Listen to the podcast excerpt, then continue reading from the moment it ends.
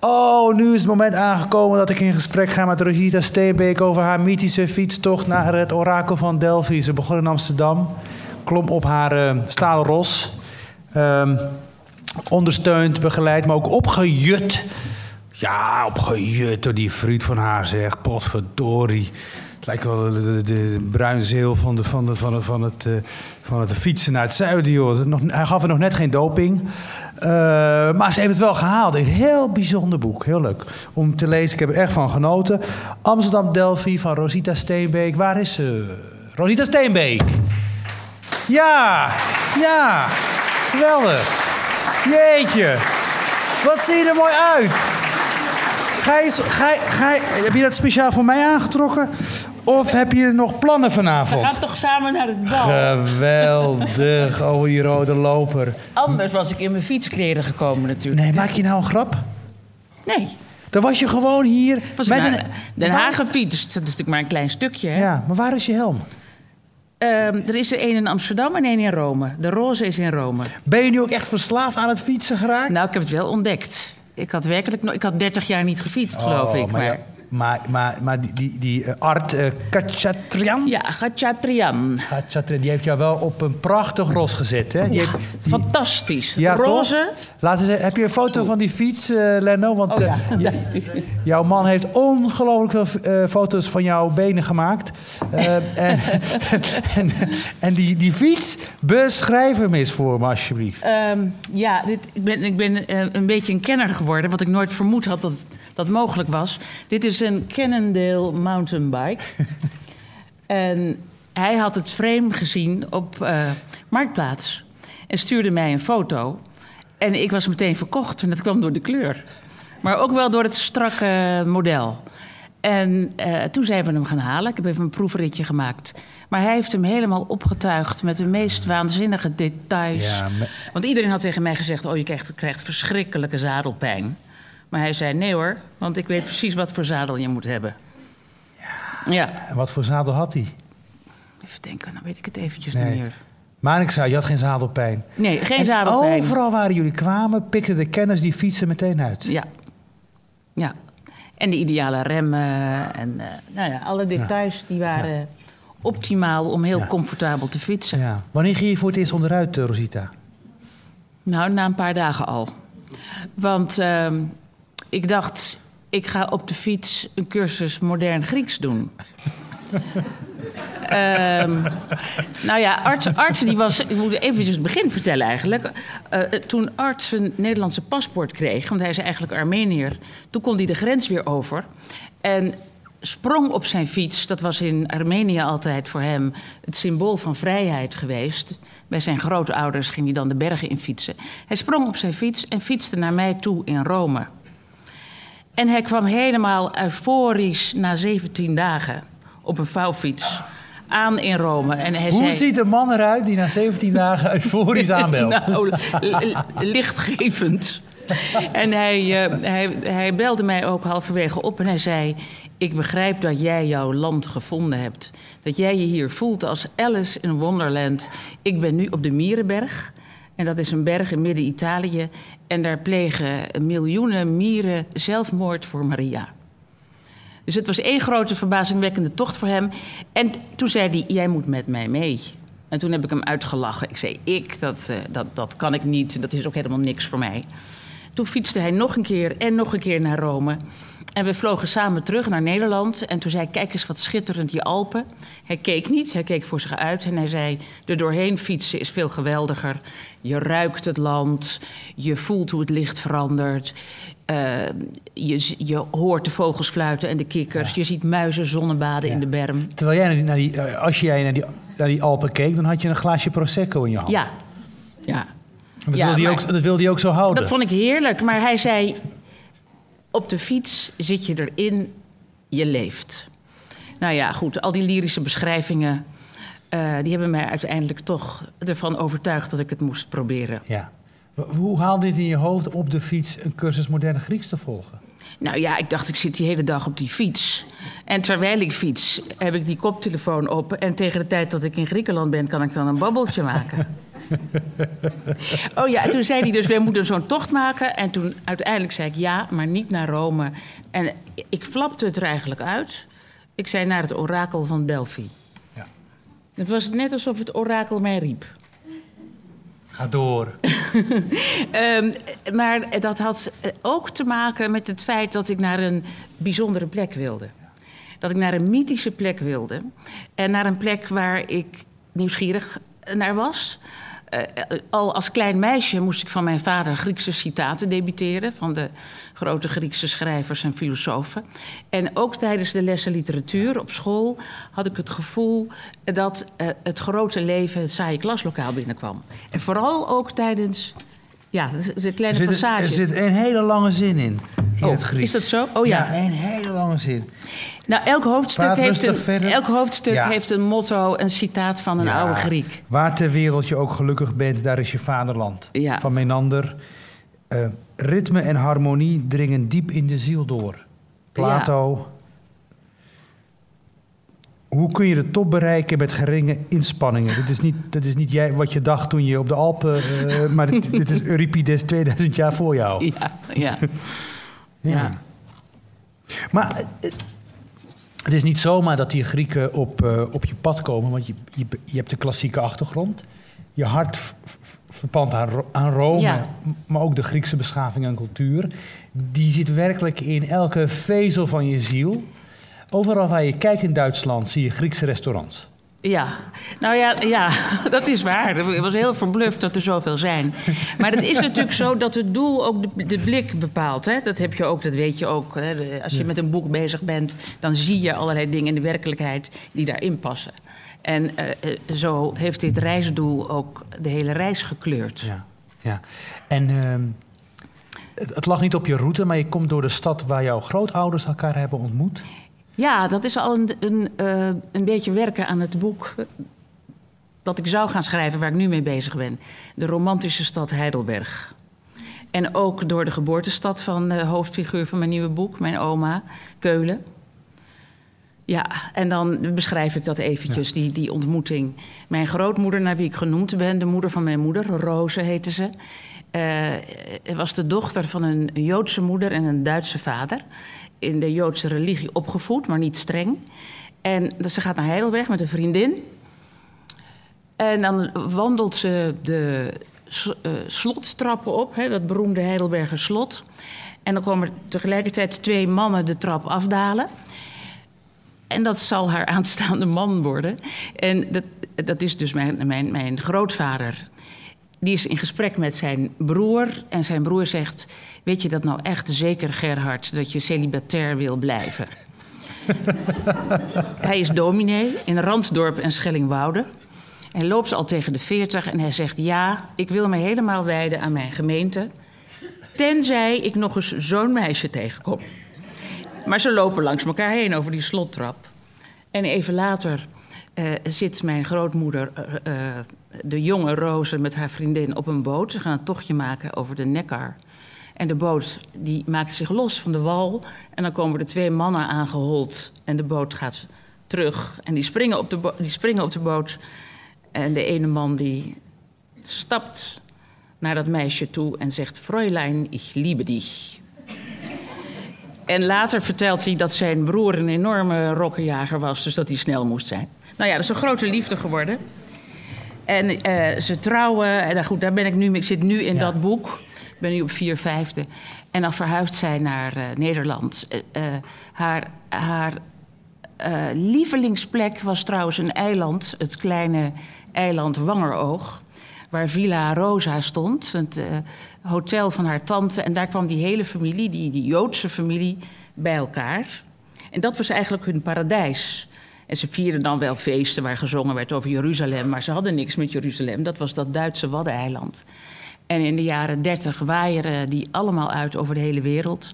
En zij komt naar Nederland. En ja, dan op een bepaald moment de Tweede Wereldoorlog.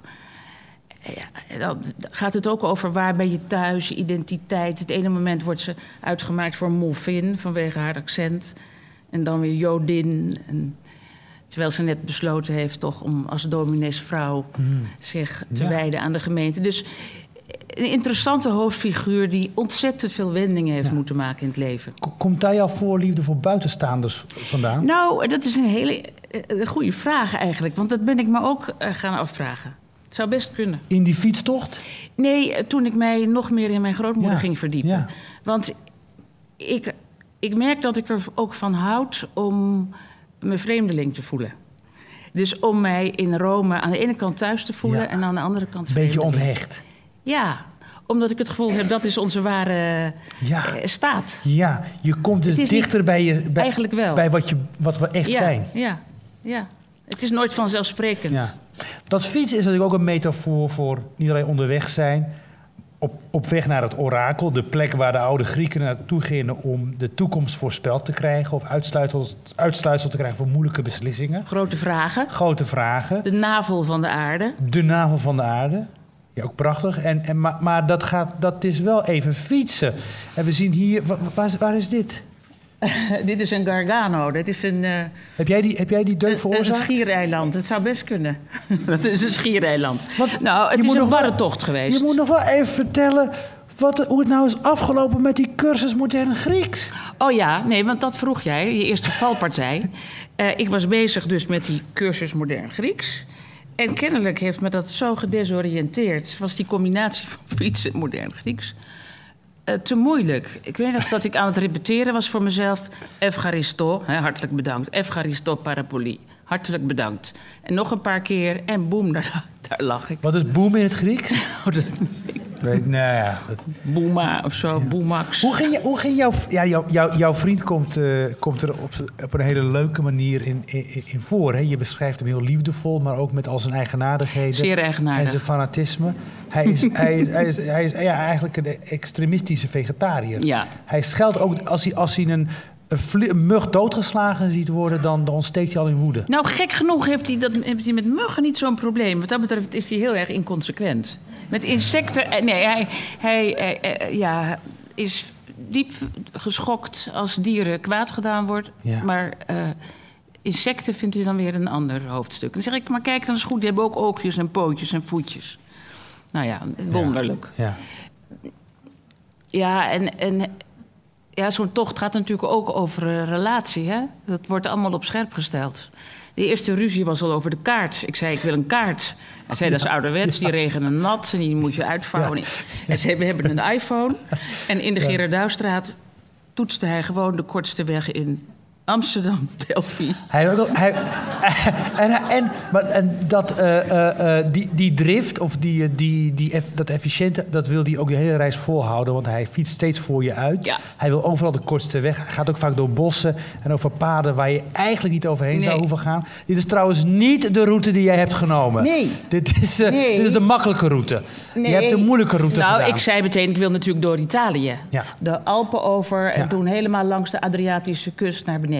Ja. Nee, we- even, we- kan, je even, kan je dat even, even voor ons specificeren? Hoe je precies... Ja, ga- juist. De juf gaat het vertellen in haar prachtige jurk. Had ik je maar op de basisschool gehad. Zo, eh, de, de, oepla. de Ovenpas en langs het Lago di Garda, dat was wel een kick hoor. Het Lago di Garda en dan hier Verona. En Gewoon heel, heel eenvoudig eh. En hier... Maar zie je wel wat je doet, Rosi- Rosita? Zie je wel wat je doet? Heel eenvoudig met het vingertje over de kaart van Europa. Wat voor gevoel geeft dat? Nou, het was wel een kick. Het was natuurlijk idioot om de Gerard Douwstraat uit te fietsen met het besef, we gaan naar Delphi.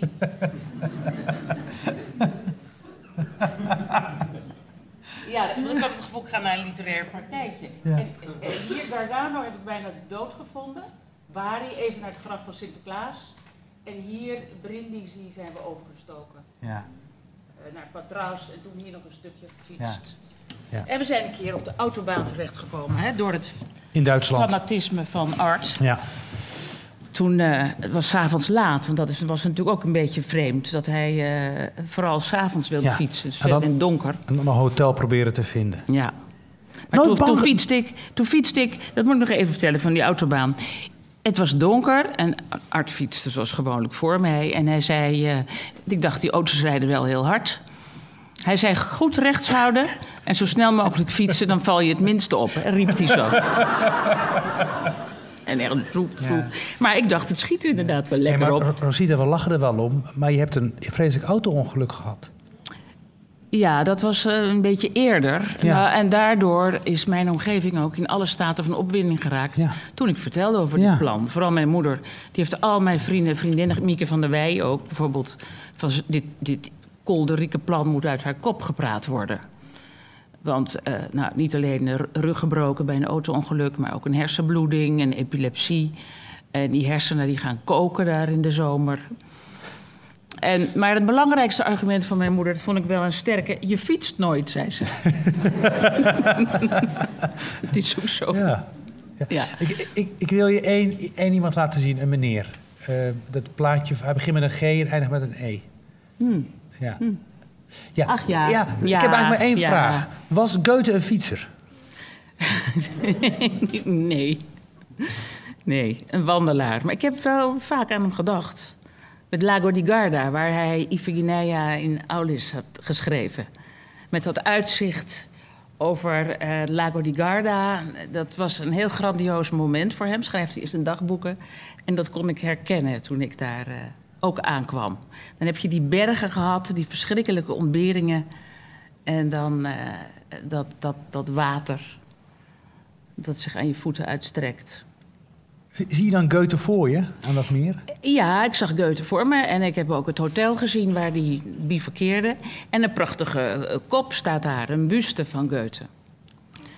Ja, We, even een foto uit het archief van de reis. Wanneer, wanneer, wanneer was deze reis, eh, Rosita? in, in eh, 2010. 2010, wa- oké. Oh ja, hier zijn we al eh, de bergen aan het beklimmen. Daar zie je die geweldige olijfgaard. Ja. Het was, er waren natuurlijk een paar... wa- waar is dit voor Dit mij? is voor aan mij- de, aan de voet van, eh, van de Parnassus. Oh, Eh, die bestaat dus, echt, de Parnassus. Ja, ja maar dat, is, dat, is natuurlijk, dat zijn magische momenten. Ja. Het eerste magische moment was, was, was trouwens ehm, de Alpen eh, afdalen. Het was, dat ging natuurlijk niet vanzelf om de top te bereiken. maar om dan dus aan, aan je voeten Italië te zien liggen... af te dalen en een zonovergoten Italiaanse appelboomgaard binnen te rijden. Het was werkelijk alsof ik het paradijs binnenfietste heel veel andere grootse momenten gekend, maar ook een hoogtepunt was eh, aankomen hier bij deze eh, olijfgaard, de heilige olijfgaard van Pallas Athene. En voor het eerst Delphi op het bordje te zien staan. Delphi 14 kilometer. Dat was zo'n emotie. En dan besef je ook, het is zo totaal anders om op deze manier daar aan te komen dan wanneer je in een vliegtuig was gestapt en met de bus. En dan die laatste klim omhoog en te beseffen, koning Creusus klom je de berg op en keizer Hadrianus en nou ja, zoveel anderen. Ik En- op de fiets. Ja, ja, ja, ja. ja. Ja, in het begin eh, was het natuurlijk niet vanzelfsprekend om zoveel kilometers per dag te maken. Wanneer kwam dat fietsgevoel in? Van ik kan dit. Het gaat steeds beter. Mwah, na een klein weekje, denk ik. Ja. Nou, wat ook wel grappig was, ik had, we hadden natuurlijk een paar conflicten meteen al aan het begin. Ik zei, ik wil één dag in de week rust. En toen zei Art, eh, Art Tak, heet je eigenlijk de snelle. eh, hij zei, we zullen wel zien. Ik zei, ik wil één dag in de week rust. En ik was op weg en ik had er echt helemaal geen behoefte aan. Want je fietst en dat, het is eigenlijk heel rustgevend voor de geest. En aan het eind van de dag ben je natuurlijk fysiek uitgeput. Ik heb nog nooit zo eh, genoten van eten en drinken, moet ik zeggen. En je valt dus een blok in slaap en de volgende dag wil je door. Ja. Dus die dag rust had ik geen behoefte aan. Ja. Ik heb ooit een vriendinnetje gehad uit San Bernardetto del Tronto. Oh ja. En, en eh, ik kreeg aanzichtkaarten van haar met, met dat adres erop. Hoe is het in San Benedetto del Tronto? Eh, nou, mooi. Ehm, baden zijn daar. Je kan daar eh, heerlijk als een oude Romein uitrusten en je laten verwennen. Uitzicht, ja, de zee is daar ook vlakbij. Dus nou, ga daar eens een keer op bezoek, zou ik zeggen. Het was ook een weerzien met Fellini. Je hebt een boek over Fellini Ja, geschreven. je hebt in ja. zijn films gespeeld. En dan kom je in de streek waar hij vandaan komt. Emilia Romagna. Het was heel bijzonder om ineens door Rimini te fietsen. Hij heeft hier natuurlijk over gefilmd, Amarkort. En het was eigenlijk het idee van Art om naar het kerkhof te gaan. Want ik, ik was wel bij de, bij de uitvaart in Rome. Maar ik was nog nooit bij zijn graf geweest. Hmm. Het regende pijpenstelen. En dat was wel bijzonder. Een mooi grafmonument, een grote boot. eh, geïnspireerd op de film Elanave Wa. En de boot gaat. Dus je had echt, ja. Ja. ja. Dus eh, je had ook het gevoel van het gaat door en zijn fantasie gaat door. En hij blijft ehm, Ja. de mensen inspireren. Ja. Was ontroerend. Is het, is, het, is het toeval, schrijf je daar naartoe, dat, dat, dat al die pleisterplaatsen waar je langskomt zo samenvallen, niet alleen met, met de intellectuele Rosita, maar ook de biografische Rosita, de, de grootmoeder, Fellini, Delphi. Over, Nee, dat, dat, dat, dat was niet gepland. Ehm, ik maak bij een boek, eh, vorige gast zei dat ook al, ook niet een strak plan. Eh, ik, ik laat me verrassen. Ehm, ik hou niet van helemaal uitgestippelde reizen. Eh, dat was dus in dit geval niet zo en dat is bij het schrijven van een boek ook niet zo. Nee, het kwam op mijn pad. Maar wat ik al eerder zei, je blik is natuurlijk gericht. Hè? Je, je pikt er dingen uit en die hebben verband met elkaar. waarom ben je naar Rome gefietst? Omdat ik daar eh, woon, omdat het niet verrassend voor mij is.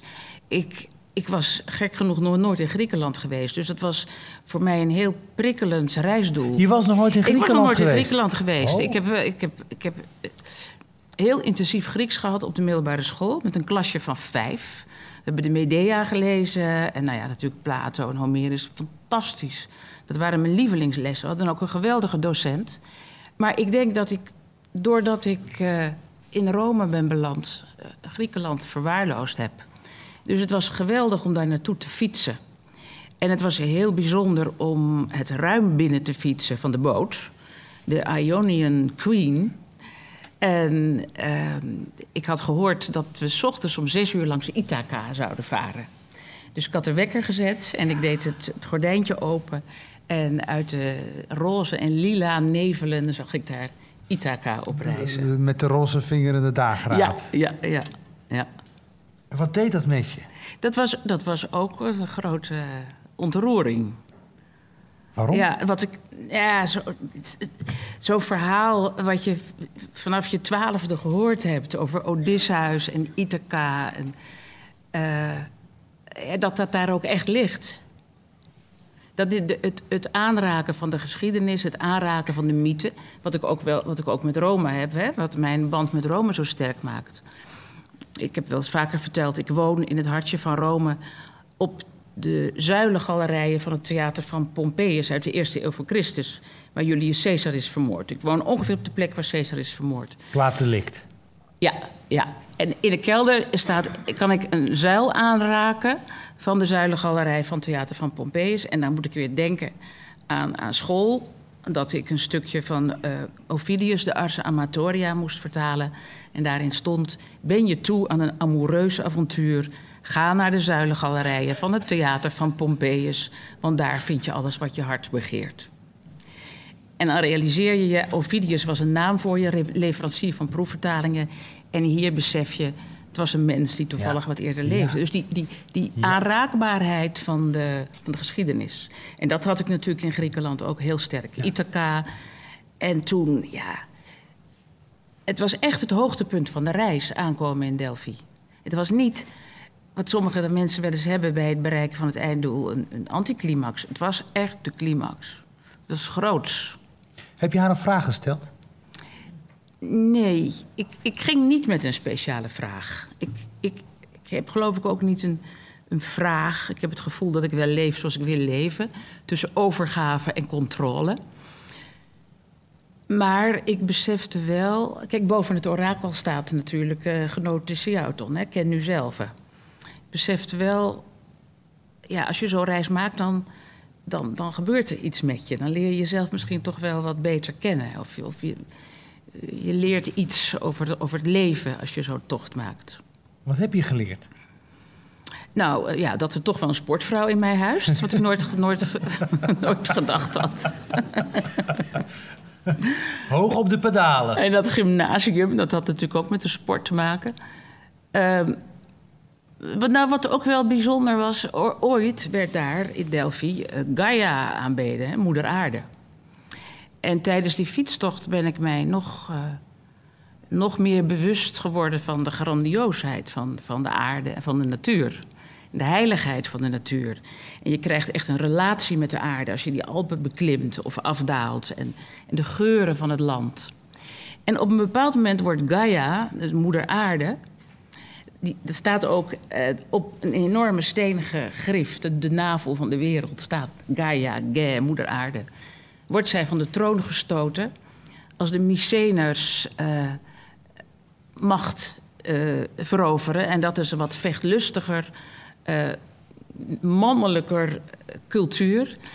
En dan wordt ze dus van de troon gestoten door de god Apollo, die in de gedaante van een dolfijn aankomt in Delphi. Van, hè, en de- dus Delphi wordt dan genoemd naar, eh, naar Apollo. Dus Apollo neemt de plaats in van Gaia. En iets anders wat mij tijdens mijn reis voortdurend is opgevallen. Overal is gevochten. Overal is oorlog gevoerd.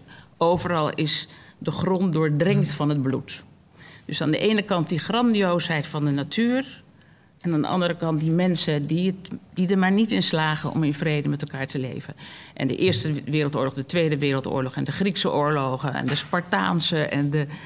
eh, eh, nou ja, de Romeinen konden er ook wat van natuurlijk. Iedere keer sporen, Ja. ja. ja, sporen van veldslagen. Dat, dat spat wel van de pagina's af. Hè, dat, hoe- dat die oude geschiedenis nog springlevend is. Ja, En die kom je tegen en daar, daar kan je eigenlijk, daar kan je niet omheen fietsen. Daar kan je niet omheen. Nee, nee, Dankjewel. nee. Prachtig boek. Dankjewel Rosita. Fijn boekenbal. Bedankt. Ja, jij ook.